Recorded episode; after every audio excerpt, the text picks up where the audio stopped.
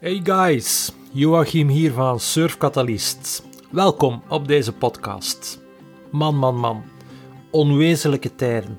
Heel bevreemdend en ongezien. Het coronavirus heeft de Hanse wereld in haar greep. Dus ik hoop voor eerst dat het met jou goed gaat, dat jij nog in een goede gezondheid verkeert, dat je familie en vrienden ook in een goede gezondheid verkeren.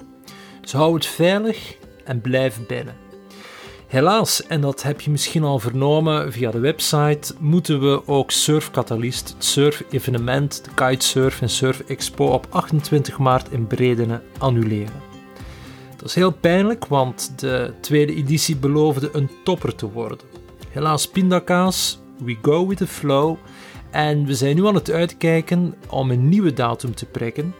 Dus blijf ons volgen op onze Instagram en Facebook page. En wij houden je op de hoogte wanneer de tweede editie dan wel kan doorgaan. Europa is bijna helemaal in lockdown. Bijna alle landen gaan in lockdown en surfen mag niet meer. Ik denk dat je nu nog mag surfen in Nederland, maar helaas als Belgium mogen we de grens niet meer overgaan. De grenzen zijn gesloten. Dus surfen in België is een no-go. En dat is natuurlijk keihard balen als surfer en kitesurfer. Ik ga je enkele tips geven van een aantal dingen die je kan doen thuis in de woonkamer of bij jou in de buurt op het straat om toch een beetje het boordgevoel terug te ervaren. 1. Je kan je fysiek up-to-date houden, op peil houden door surffitness oefeningen te doen. En in de show notes zal ik een link leggen naar een video gemaakt door Pepijn Tiges, die vandaag onze gast is in de podcast. Een video waar je oefeningen kan doen zonder gebruik van gewichten. Dus thuis op je gemak, in de woonkamer of buiten in de tuin met het mooie weer. Doe veel surf-fitness oefeningen om je surfstamina, kracht en flexibiliteit op peil te houden. Heel leuk is ook een indoboard, een balanceboard, ideaal om je kracht en je balans te oefenen. En mijn persoonlijke favoriet is surfskaten. Een surfskate, dat is de max. Dat heeft het gevoel van het surfen, zeker als je een goed surfskatemerk hebt. En je kan perfect op het asfalt je cutbacks, je bottom turns oefenen en het is pure fun. In de show notes stop ik ook een link, vind je een link terug waar je een goede surfskate, een Smoothstar surfskate kan aankopen. Zoals je weet ben ik zelf yogaleraar en ik zal op onze Facebookpagina een yogales van 30 minuutjes posten. Misschien heb je nog nooit yoga geprobeerd, ben je allergisch aan het woord yoga. Whatever, probeer het even nu je toch waarschijnlijk veel tijd hebt als jij niet in de zorgsector of in een ander essentieel beroep werkt, dan ben je waarschijnlijk thuis. Dus probeer even om een yogales te doen. Ik heb een specifieke les gemaakt om je pop-up te verbeteren. En weet dat heel veel professionele surfers, waaronder Kelly Slater en vele anderen, yoga opnemen in een trainingsprogramma. Dus yoga houdt je flexibel, waardoor je met meer stijl en flow zal kunnen surfen. En als die video naar meer smaakt, laat het mij weten, dan maak ik met plezier specifiek op surfers gericht meer yogalessen. Nu, back to business. Kort voor de coronavirus was ik in Scheveningen en had ik een fantastisch gesprek met Pepijn Tiges. En Pepijn is een Nederlandse topsurfer, marketeer en surfcoach. Vorig jaar was Pepijn te gast op de eerste editie van Surf Catalyst.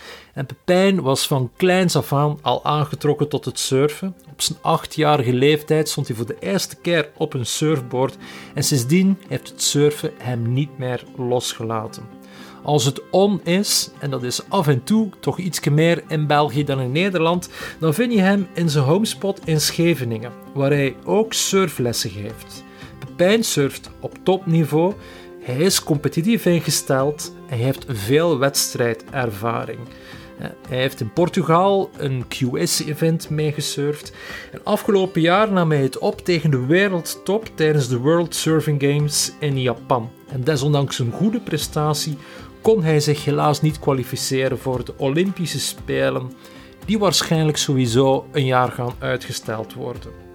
Pepijn host zelf ook een podcast. Zeker eens beluisteren. De podcast van Pepijn heet de Surf Tips Podcast. een super waardevolle serie waarin hij telkens praktische tips deelt om jouw surfskills een niveau hoger te tellen. Dus check zeker even op Spotify of iTunes en ik plaats de link ook in onze show notes naar de Surftips podcast van Pepijn Tigges.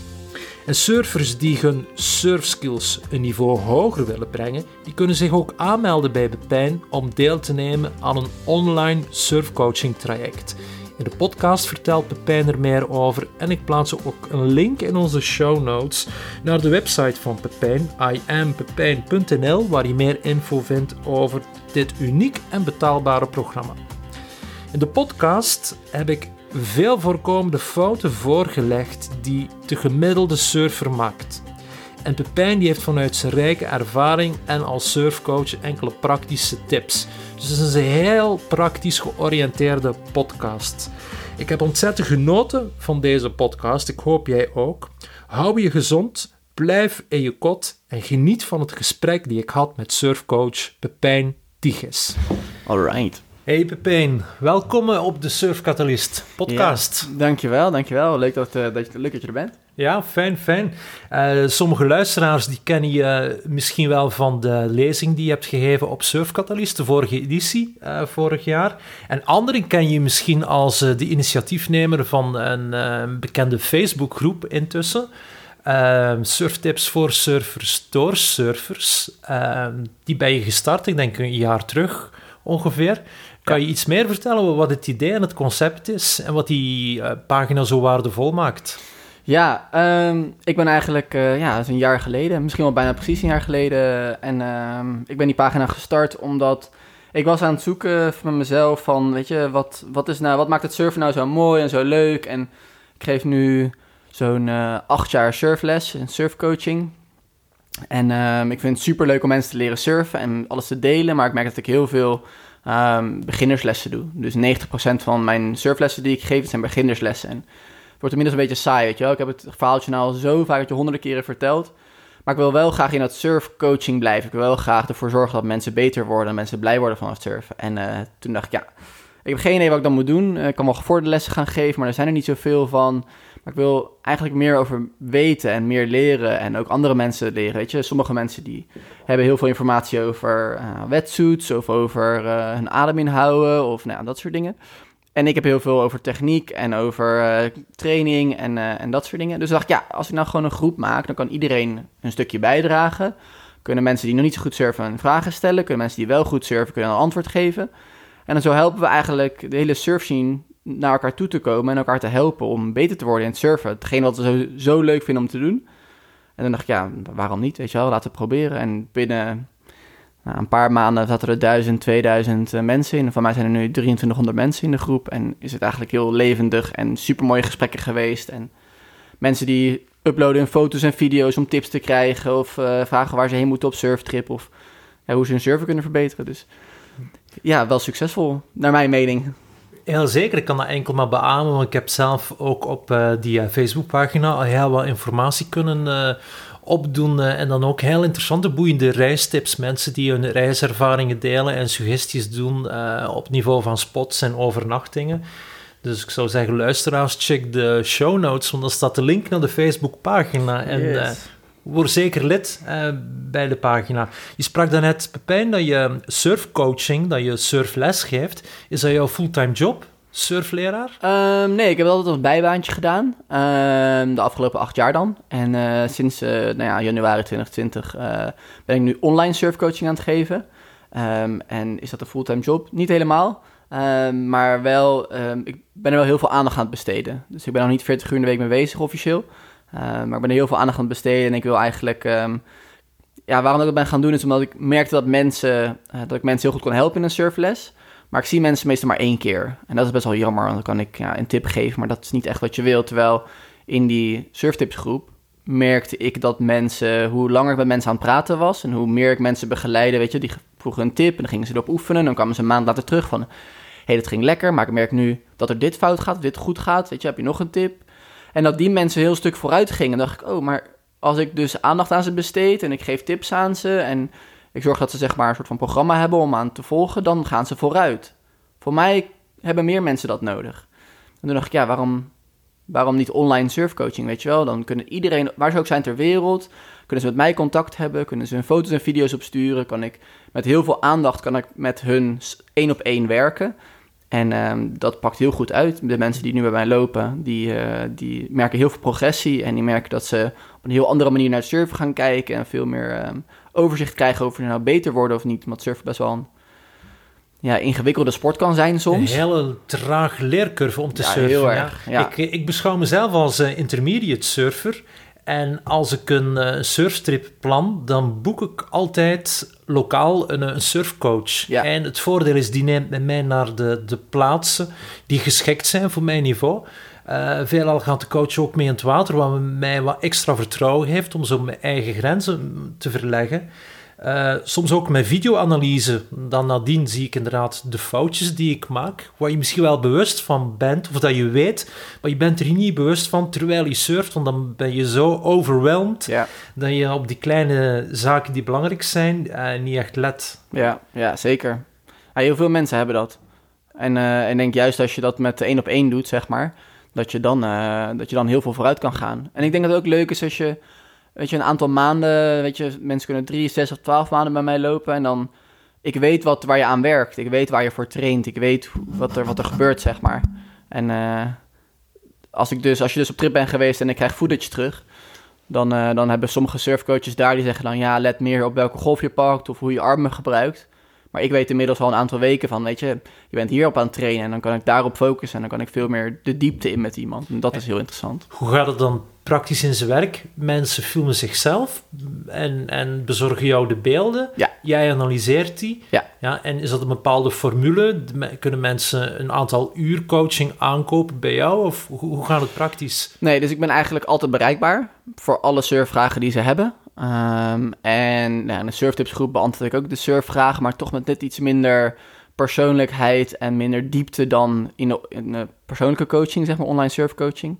En ehm, ik doe de analyse inderdaad, maar het is eigenlijk een compleet pakket. Dus waar het uit bestaat is dat mensen krijgen contact met mij, persoonlijk, één op één. Ehm, ze krijgen een, een trainingsschema, eh, aangepast op hoe ze, weet je, hoe ze leven. De ene die heeft kids en die kan eh, weet je, een uurtje per dag of 20 minuten per dag kan die trainen. Ehm, de ander heeft een heel druk werkleven en die kan dus maar drie keer in de week trainen. De ander zijn, nou, zijn bijvoorbeeld mensen aan het trainen voor een marathon.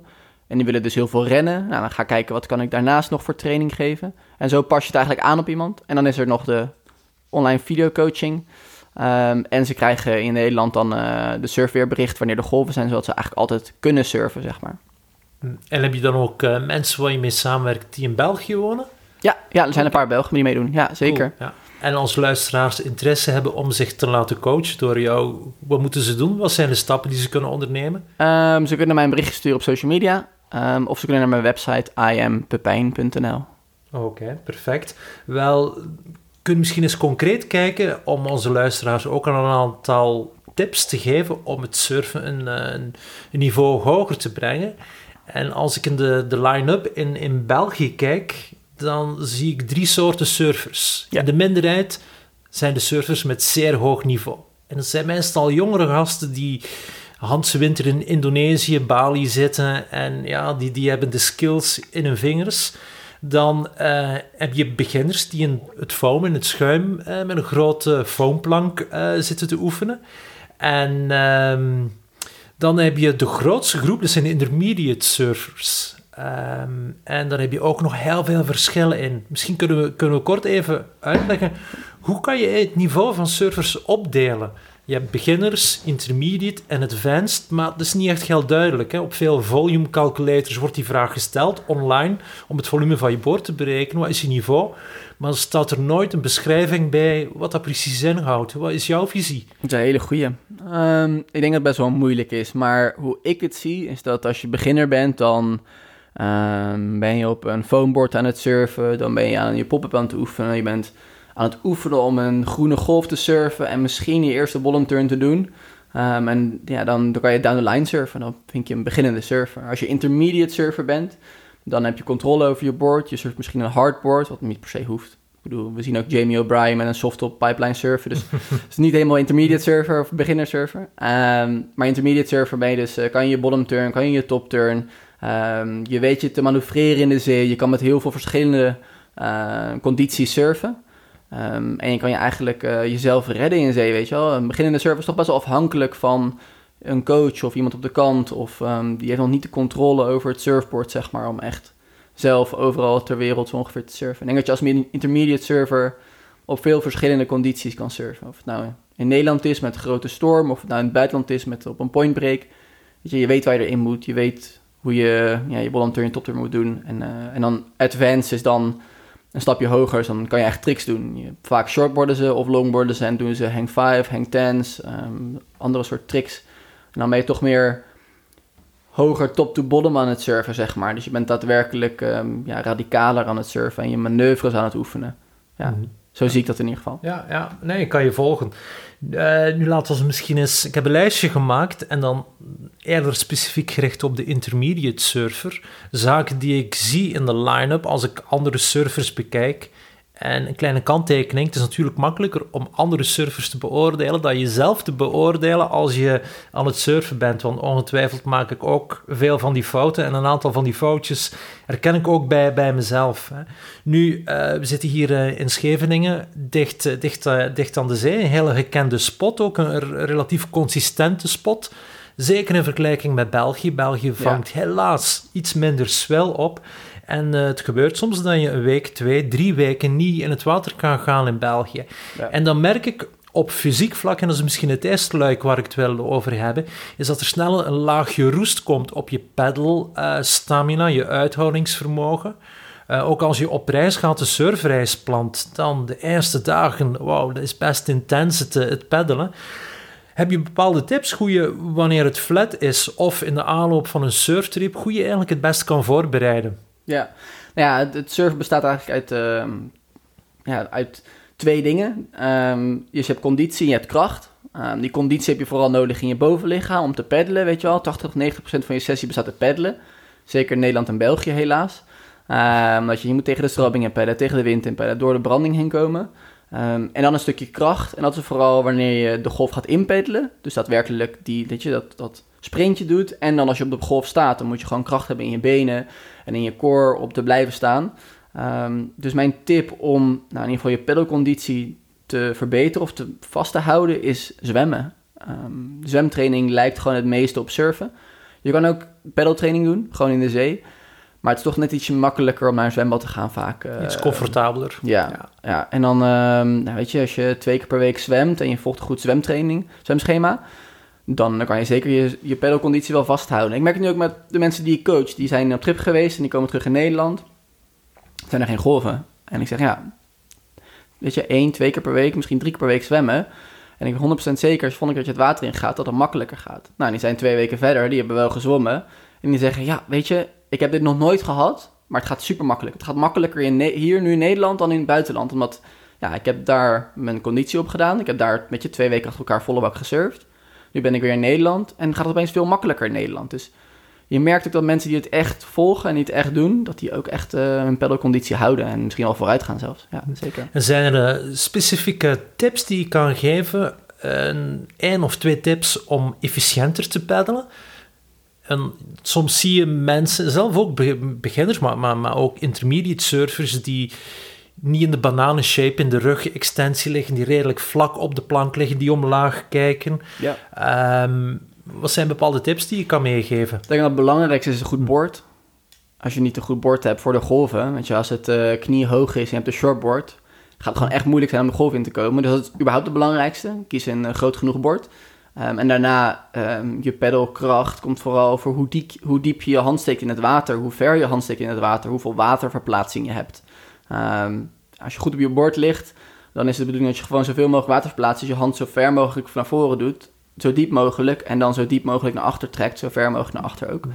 Um, zodat je zoveel mogelijk waterverplaatsing krijgt. Dat is het belangrijkste. Um, en dat, dat, dat, is, dat is wat je moet leren. Veel beginnende surfers die hebben dat niet zo snel. maar in de jaren dat ik uh, surfles geef, merk dat de mensen die bijvoorbeeld een wedstrijd zwemmen, of die überhaupt goed kunnen zwemmen, dat die veel makkelijker leren surfen. Omdat die um, gewoon die waterverplaatsing heel goed kunnen, zeg maar. En dus het is niet alleen conditie, maar het is ook hoe efficiënt je omgaat met het water, zeg maar. En zoals je zegt, sowieso moet je een, die bananenshape in je rug hebben, borst omhoog, naar voren blijven kijken en niet met je neus op je bord liggen en, eh, of, en, of niet je core aanspannen, zodat je gaat bewegen op je bord, zeg maar. Dus zo'n krachttraining is ook heel efficiënt om dan effectief die, die spieren in de lage rug te versterken om de juiste weten. positie aan te nemen. Of yoga, zoals je zelf Of doet, toch? yoga, exact, ja. Dus daar raad ik iedereen aan. Hoe kijk jij Juist. daarnaar? Ja. Denk je dat yoga eh, heel erg goed helpt voor het surfen? Ehm, ja, yo- yoga is natuurlijk een heel breed, dat een containerbegrip. Je hebt zoveel stijlen yoga. Ja, je hebt de hele spirituele yoga, dan een heel fysieke gerichte yoga. De yoga die ik zelf doseer is een functionele yoga.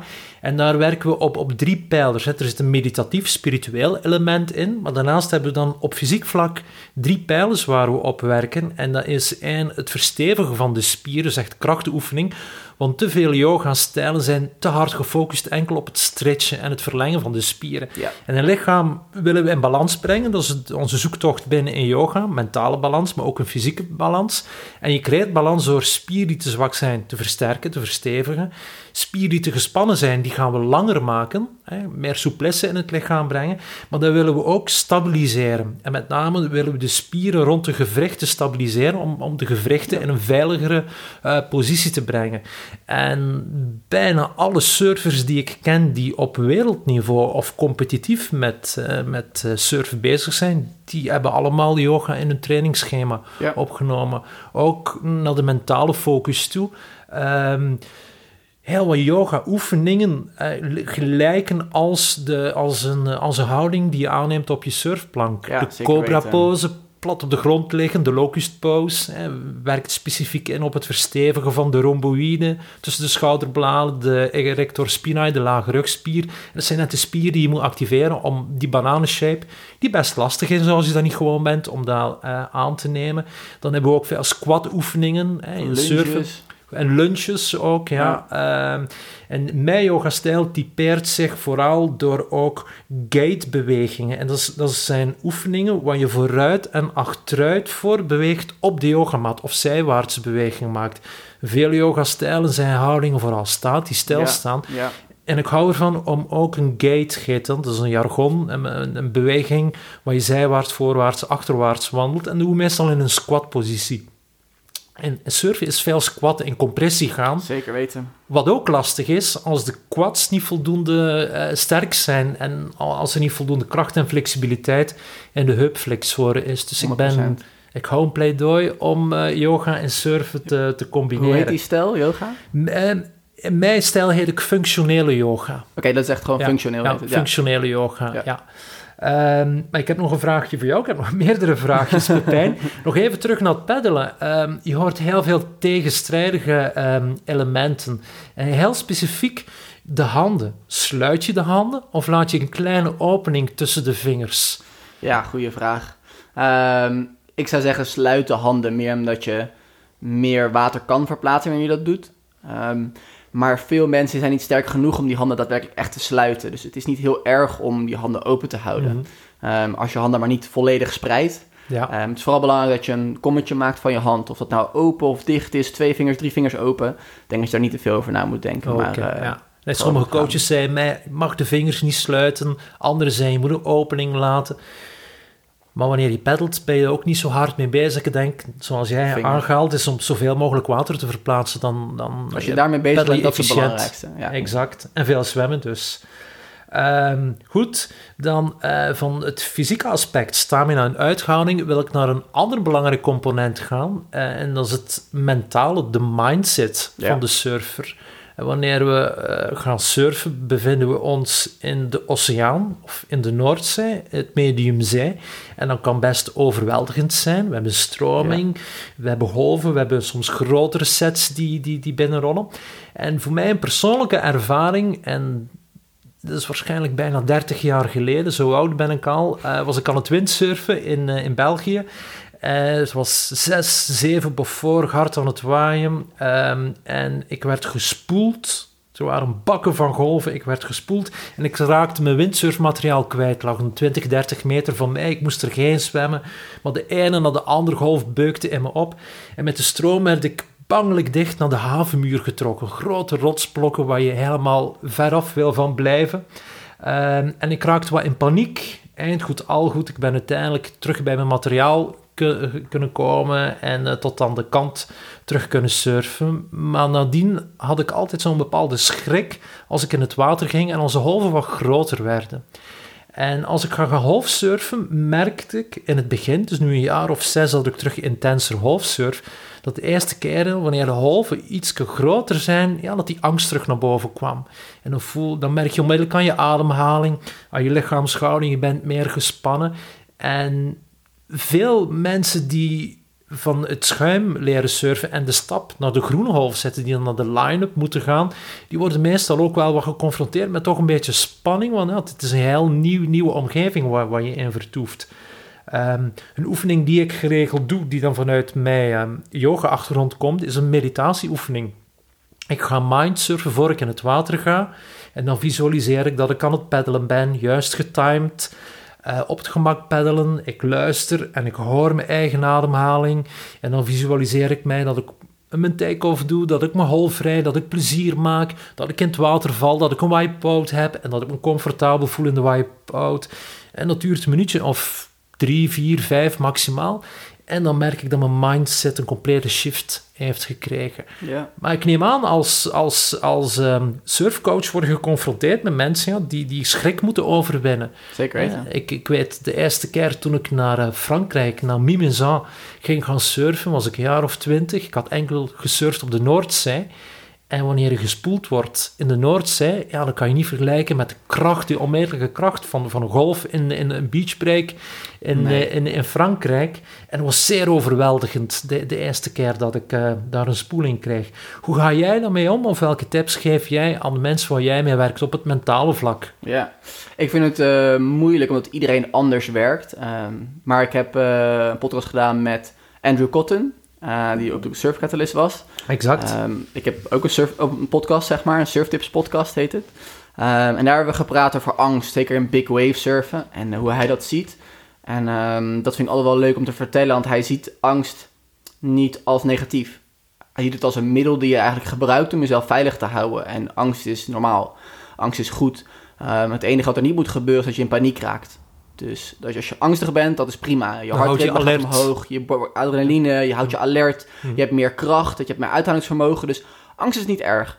Um, als je niet in paniek raakt, want als je paniek raakt, dan ga je, dan ga je blokkeren. En dan ga je niet zwemmen en dan ga je niet jezelf redden. Um, dus dat moet er niet gebeuren. En dat is vooral zelfbewustzijn, weet je wel. Waar zijn je grenzen? Wat kan je wel, wat kan je niet? Um, als er een dag is waarop je denkt, voor mij is het te groot voor mij, ga dan niet het water in. Weet je, dat is niet raar om te doen, dat is, dat is helemaal juist om te doen. En als je um, een grote golf um, surft en je valt en je bent dan bang en dan in paniek, ga het water uit, dat is niet erg. Um, wat voor tips ik voor mensen meegeef, is dat vaak mensen zichzelf onderschatten. Dus het is een mentale strijd tegen jezelf. En niet omdat het nou zo gevaarlijk is en niet omdat het nou zo eng is, maar puur omdat jij denkt dat het eng is, of jij denkt dat, dat je schrikt, daarom raken mensen vaak in paniek. Um, dus wat ik in mijn coaching meemaak, is dat um, nou, mensen hebben een wipeout en die, die schrikken daarvan en zeggen, ja, ik ga niet meer surfen. Dan zeg ik, oké, maar wat is er nou daadwerkelijk gebeurd, weet je wel? Wat, wat is er nou echt gebeurd daadwerkelijk? En dan ga je met ze terug een moment in en dan zeg je van, ja, weet je, ik ging die golf pakken, ik heb een nosedive, ik ging voorover en ik ging onder water helemaal heen en weer. En dan zeg ik, oké, hoe lang ben je dan precies onder water geweest? Um, ik denk echt 30 seconden. Dan zeg ik, nou, 30 seconden, we kunnen wel even je adem inhouden. Maar ik weet zeker dat het niet 30 seconden is geweest. Dat is misschien 5 seconden geweest, als het een langere holdown is. Als je heel lange holdown hebt in nou, bijvoorbeeld de Mimizan, kan het heel misschien 10 seconden zijn. En dat is het ook wel. Dus wat er gebeurt is, eigenlijk helemaal niet zo erg. Maar vooral de schrik die mensen hebben is heel erg. En hoe ik vooral mensen dan uh, geruststel, is om een goede voorbereiding te hebben. Dus als jij jezelf goed voorbereidt, dus je je weet hoe je met je eigen angst omgaat. Dat is gewoon meemaken, of dat is, zoals je zegt, visualiseren. Maar je weet ook dat je jezelf kan redden, dat je je adem kan inhouden en dat je de spot weet, dat je op je gemak bent in het water. Dus dat, dat kan je allemaal voorbereiden, zeg maar. Dus als jij weet, nou, ik kan een minuut mijn adem inhouden, dan gaat, behalve als je big wake wave aan het surfen bent, word je niet een minuut ondergehouden. En dan nog steeds is dat echt heel lang. Um, als je weet dat je fit bent, dus je kan, uh, nou ja, ook als je bord verliest, weet je, een kilometer zwemmen, prima. Dan maakt niet zoveel uit waar je, waar je valt, want je zwemt toch wel terug. Of je bord breekt, of je leash breekt, of wat er ook gebeurt. Ehm, je weet dat je met je vrienden bent. Je weet dat je op een spot bent die je hebt uitgecheckt. Dat je voor, van, van, van tevoren hebt gekeken. Waar zijn de rotsen? Waar is je stroming? Waar kan ik eruit? Waar moet ik erin? Dan heb je al allemaal dingen voorbereid die eigenlijk heel veel rust geven in het water. Dan lig eigenlijk in het water alsof je die spot al gemasterd hebt voordat je er überhaupt gesurfd hebt. Nou, en elke keer, ook voor mijn eigen sessies, doe ik dat, weet je wel. Als het te groot is, ga ik 100% zeker met een vriend. Ik ga nooit alleen surfen. En dat zorgt voor mij voor heel veel rust, want als ik een wipeout heb, iemand ziet dat. Dus iemand is daarbij, zeg maar. Ehm, ja, en zo kan je allemaal voorbereidingen doen om jezelf rustig te houden in het water. Dus de voorbereiding geeft een gevoel van vertrouwen. En dat gevoel van vertrouwen geeft je een comfort om, je te, om, om, je, om in een omgeving te gaan waar je niet altijd een controle over hebt. Exact. En de, de, de eerste wipeouts, in mijn ervaring duurde dat ook 30 seconden tot een minuut, wat in realiteit 4, 5 seconden is. Uh, maar je hebt geen controle in een wipeout. En ik probeerde, zoals velen waarschijnlijk, krampachtig wel een controle uit te oefenen door tegen de stroom in en het witte water in toch proberen omhoog te zwemmen. En dan ja, gebeuren er twee dingen. Je verdoet verbruikt extra zuurstof, waardoor je meer in ademnood komt, waardoor je dan meer paniek begint te voelen.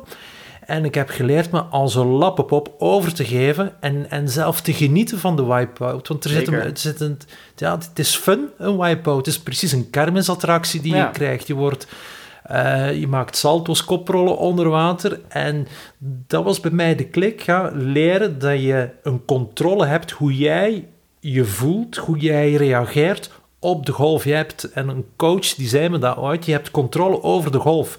Wat gek gegeven is, want die, die golf is beschikt over onmetelijke kracht. En dan denken we, ah, wij hebben toch geen controle over die golf. Die golf beukt in op ons wanneer hij ook maar wel. Maar toch hebben wij een controle hoe we omgaan, hoe we reageren op het moment zelf in die wipe-out. En dat was voor mij wel een, eh, een breakthrough. En van toen af aan, toen mijn coach zei, als lappenpop, enjoy it, geniet ervan. Ja, toen dacht ik, ja, eigenlijk is er helemaal niets echt aan de hand.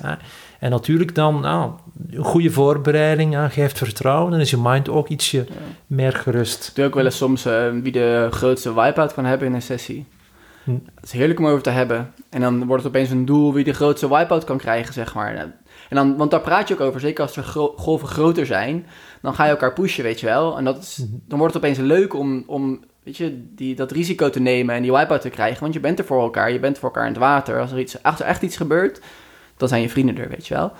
Ehm, ja, Ik, vind, ik vind het heel mooi. Je met controle over je reactie. Maar dat is ook mm. gewoon jezelf kennen, weet je wel. Je leert heel ehm, veel over jezelf. Hè? Want, want, in het echte leven loop je misschien ook weg van bepaalde golven, van bepaalde moeilijke momenten, van bepaalde uitdagingen, van de wipeouts in het leven. ja, ja.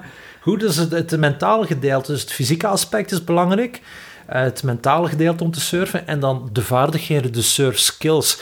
En ik heb een lijstje gemaakt van vijf, zo'n aantal puntjes die, die, die, die ik vaststel in de line-up. En de eerste zijn voorrangsregels. Ik zie heel veel surfers die indroppen op elkaar.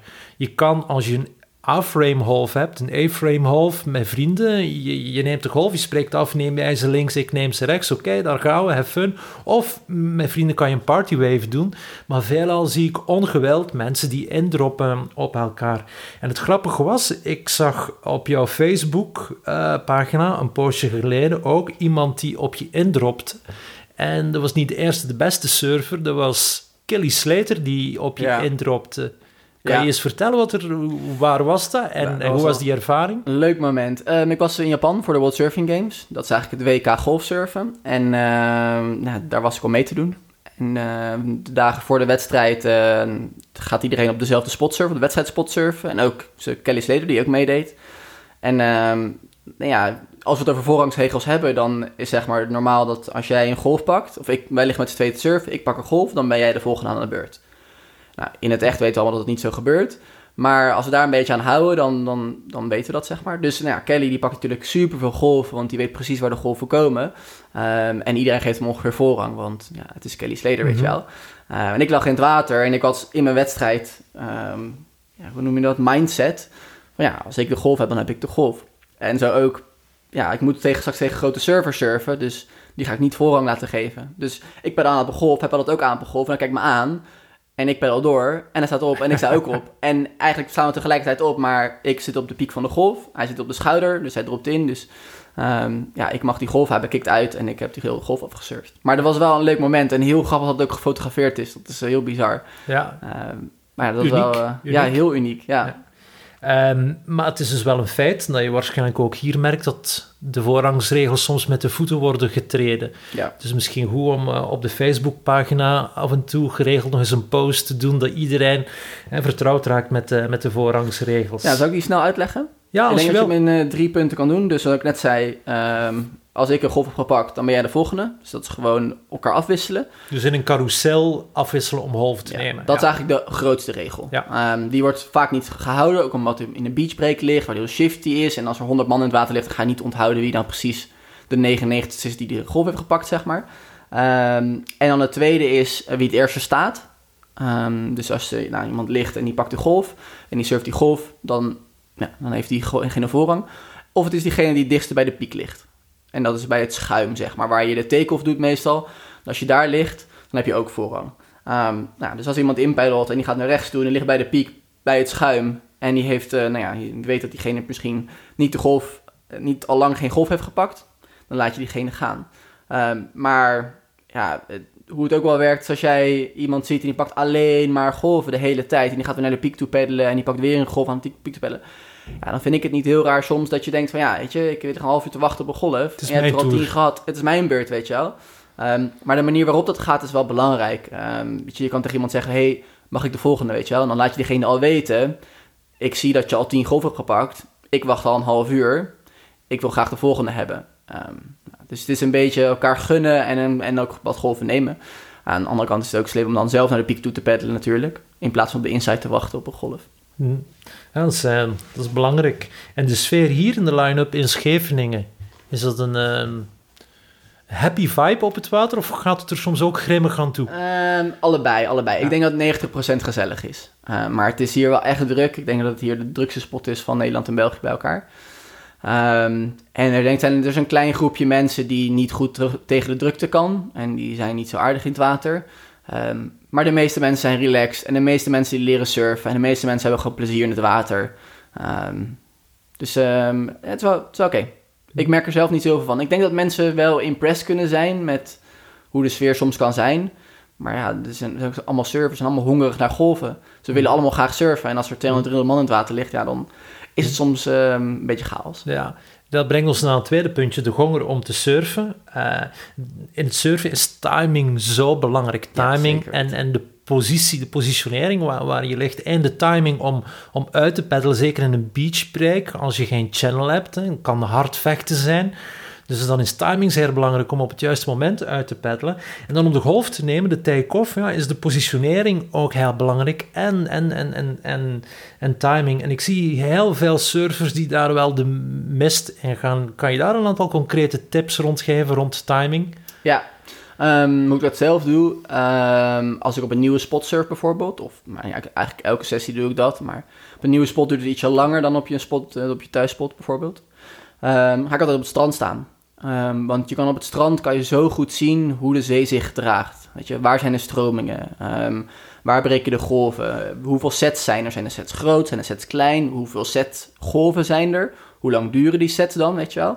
Ehm, en, en daarop kan je zien hoe wanneer je het water in moet gaan. Dus nou, je hebt meestal een aantal golven. Dan komt er een set aan. En dan heb je eigenlijk weer een paar minuten rustig of weer normale golven. Nou, je wilt tussen die sets door wil je uitpeddelen. En dan tussen die sets door wil je graag in de stroming uitpeddelen. Nou, hier in Scheven hebben we dan eh, een stroming bij het havenhoofd. Maar je hebt in Frankrijk bijvoorbeeld vaak tussen de zandbanken in. En die kan je heel goed herkennen. Dat zijn is de eh, muisstroom dan die je ja. volgt, ja. ja, precies. Hm. En ehm, die kan je herkennen aan een beetje kabbelend water, meestal ietsje donkerder, soms wat plastic en takjes erin. Ehm, en daar wil je graag uitpeddelen, maar er komen soms ook golven overheen. En wat de, mijn eh, grote tip is eigenlijk, is dat je als je de set ziet aankomen, dat je dan rustig het water inloopt. Ligt een beetje aan hoe ver je moet peddelen natuurlijk. Ehm, maar meestal, want na die set komt zeg maar een periode van rust. En je wilt niet wachten tot die rust er is, want dan moet je nog het water in en moet je nog gaan peddelen, zeg maar. Dus ik loop altijd water in tot over mijn middel. Spring ik over de set heen, zeg maar, over die paar golven heen die komen. Ehm, en op het moment dat die, weet je, de laatste één of twee golven van die set komen, dan ga ik peddelen. Wat er dan gebeurt is dat ik twee keer moet duckdiven, twee keer moet turtle rollen, of met een last met een longboard ben. En dat ik dan achter die golven kom en dat ik dan, nou ja, ik heb een beetje moeite gedaan, maar ik heb nog wel een energie in de tank om nog even een laatste sprintje te zetten naar de, naar de line-up, zeg maar.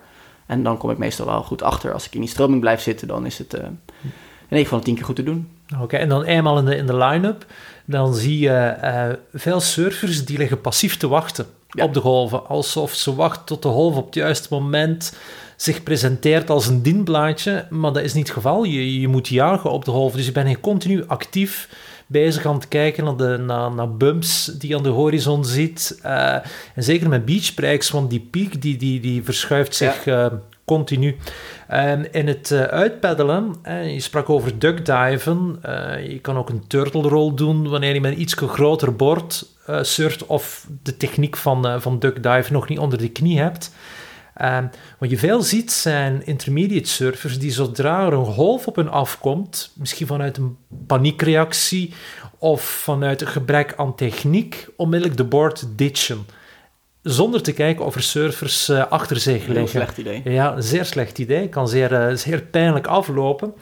Um, heb, je, heb je een bepaalde strategie hoe je kan vermijden om pas als laatste alternatief je bord los te laten? Wat zijn de opties die je kan doen?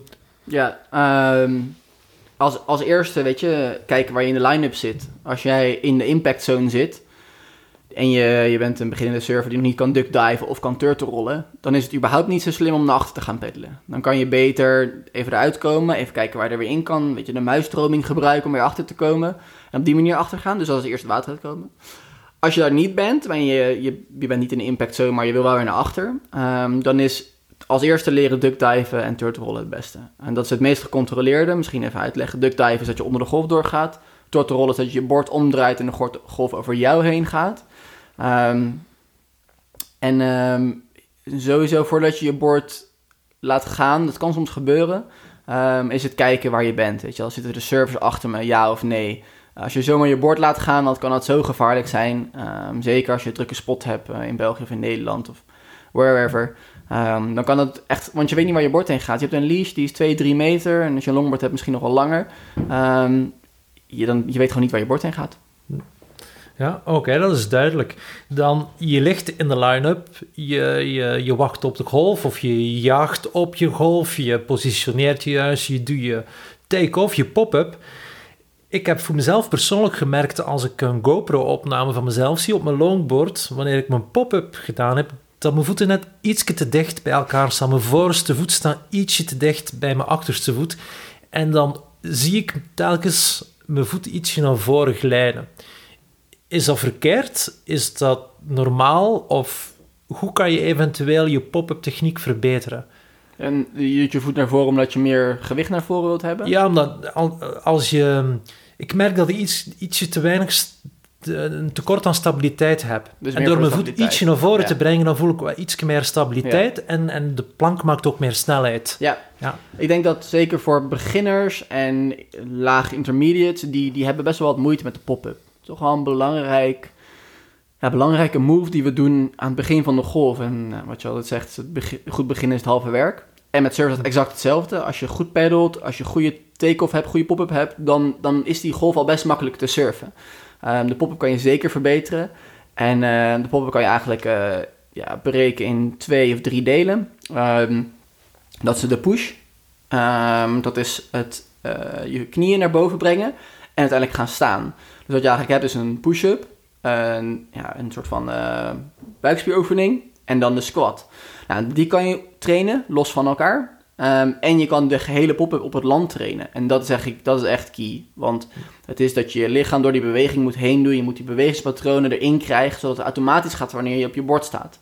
Dus als iemand last heeft van een slechte pop-up, of zijn pop-up wil verbeteren, of wilt leren surfen, doe gewoon 20 keer die pop-up ochtends, 20 keer s avonds. En 100% zeker dat als jij dat een maand lang doet, dat de volgende keer dat je gaat surfen, dat die pop-up echt een stuk, stuk makkelijker gaat. En je kan jezelf checken, weet je wel. Film jezelf, laat jezelf filmen door iemand. Check of je goed staat. Staan je voeten recht? Staan je schouders recht?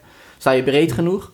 Dus ja, misschien is het een paar keer jezelf even filmen en zien dat je breed staat en daar ook op, op focussen, weet je wel. Oké, ik ga nu focussen op een pop-up en dat moet even weer erin komen.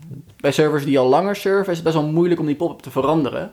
En daarom moet je gefocust op het land werken, zodat het automatisme in plaats van dicht bij elkaar staan, wijd staan en goed staan, dat woord. En dan in het water gaat het automatisch. Nou, het moeilijkste is iets afleren. Een gewoonte die je 100%. hebt afleren is moeilijker dan iets nieuws Veel aanleren. Ja, Dus inderdaad een goede tip. Op het droge oefenen jezelf eh, filmen. ja. Ehm, wat je eventueel kan doen, is een stringer, een tape op de vloer kleven. Ja. Eh, of een, eh, een plint of iets die je hebt, zodanig dat je visueel kan zien. Dat is een stringer van de boord. 100%. En dat je dan de voeten eigenlijk op de juiste manier positioneert. Ja. Ja, goed idee. Ehm, en dan, wanneer je peddelt voor je take-off, zie je ook veel mensen die omlaag kijken. En mijn coach vertelde me, en de richting waar je heen kijkt, dat is ook de richting waar je heen gaat. En als Ja. je omlaag kijkt naar je bord tijdens het peddelen, dan ga je ook veel te laat zijn voor je bottom turn die je na je pop-up zou moeten volgen. Ja. En dat is ook iets die je waarschijnlijk geregeld ziet. 100%. Ja, mensen die zijn heel erg gefocust op waar ze op hun bord staan en hoe hun bord is. Terwijl surf is vooruitdenken. Is ervoor zorgen dat jij weet wat er na je pop-up gaat gebeuren, wat er na je turn gaat gebeuren, na je top... Ja, je moet, voor, je moet eigenlijk een stapje vooruit denken de hele tijd. Dus terwijl je gaat surfen, terwijl je gaat peddelen, terwijl je je golf gaat pakken, is vooruitkijken. Het moment dat je pop-up doet, vooruit blijven kijken ook. Want heel veel mensen denken, die gaan naar hun voeten kijken om te kijken of ze goed staan. Niet doen. Als je naar beneden kijkt, ga je ook naar beneden. Veel mensen maken daarom ook een nose- bijvoorbeeld. Als je naar voren blijft kijken, je staat en je kijkt dan naar rechts, naar links, ligt aan waar je heen wilt gaan, dan stuur je naar die kant op. Dus het is super belangrijk om in ieder geval rechtdoor te blijven kijken. Een sticker zou handig zijn op de neus van de bord. Look up, Ja, don't look down. Bijvoorbeeld, Ja. ja. Ehm, goed, en dan nog een laatste puntje wat ik geregeld zie, ehm, is na de pop-up, Mhm. mensen willen surfen, willen de golven afrijden, maar net na de pop-up maken ze geen compressie, maken ze het lichaam niet klein, want dat zorgt voor stabiliteit. Hè. Ja. Soms is de golf misschien ietsje steiler dan ze verwacht hadden, en dan is de reactie bij velen die je ziet, is na de pop-up recht veren, helemaal recht gaan staan, maar dan heb je geen stabiliteit en dan, dan, dan val je meestal ook in het water. Ja.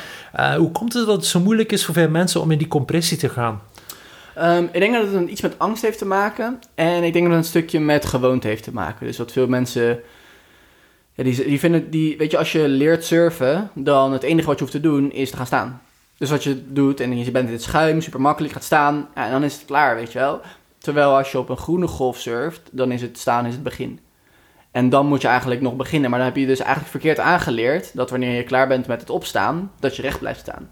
Andere kant is angst. Eh, veel mensen die dan een hollere golf hebben of een grotere golf hebben, die gaan een stukje naar achter leunen, waardoor ze überhaupt een beetje meer omhoog komen. En dan hun gewicht verliezen en dan omhoog gaan in plaats van naar beneden gaan. Ehm, wat je eigenlijk wilt, zeker als je een steilere golf hebt, is dat je eigenlijk die drop gewoon hard maakt. Dat je je boord die golf inpusht. Dus op het moment dat je staat, is het naar voren leunen om die golf in te gaan. Niet te veel naar voren leunen, zodat je een doosdive maakt.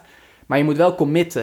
en dat is Ehm, tegen het instinct in dat je gaat. Het is een natuurlijke reactie om, wow, dit is stijl en je veert achteruit. ja, heel erg. En dat wil je net niet doen. Ja, Nee. heel erg. Het is een beetje het gevoel alsof je, ja, weet je, van een met je fiets van een grote heuvel afgaat. Dat gevoel, dan wil je ook echt naar achter leunen. En gelukkig heb je nou, je fiets vast en niet alleen maar je voeten erop. Dat je bij je stuur blijft. Maar als je je stuur loslaat, nou, als je bijvoorbeeld dus je surfen rechtop gaat staan of naar achter leunt, dan raak je je fiets ook kwijt, dan raak je je bord ook kwijt. Ja. Dus vooral naar voren blijven staan, die druk geven en op je voorste voet leunen, dat is het belangrijkste. Ja, Veel zaken waar je moet opletten als je surft. 100%.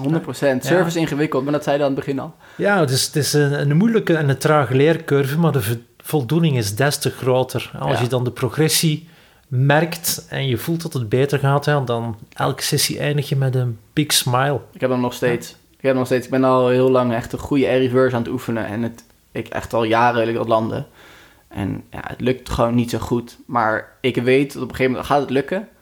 En dan ga ik zo, zo blij zijn dat ik daar zoveel tijd in heb gestoken. En dat is dan, eh, ja, dat is dan maar een stapje verder, zeg maar, next level. En dan een volgende move en dan begin je terug opnieuw. Hè? Exact. Dat maar surf- heel veel zin om ja. naar een nieuwe move te gaan. Ja, natuurlijk. Ja, het, het houdt nooit op, het surfen. Top. Nee, dat was een heel leuk gesprek. Ja.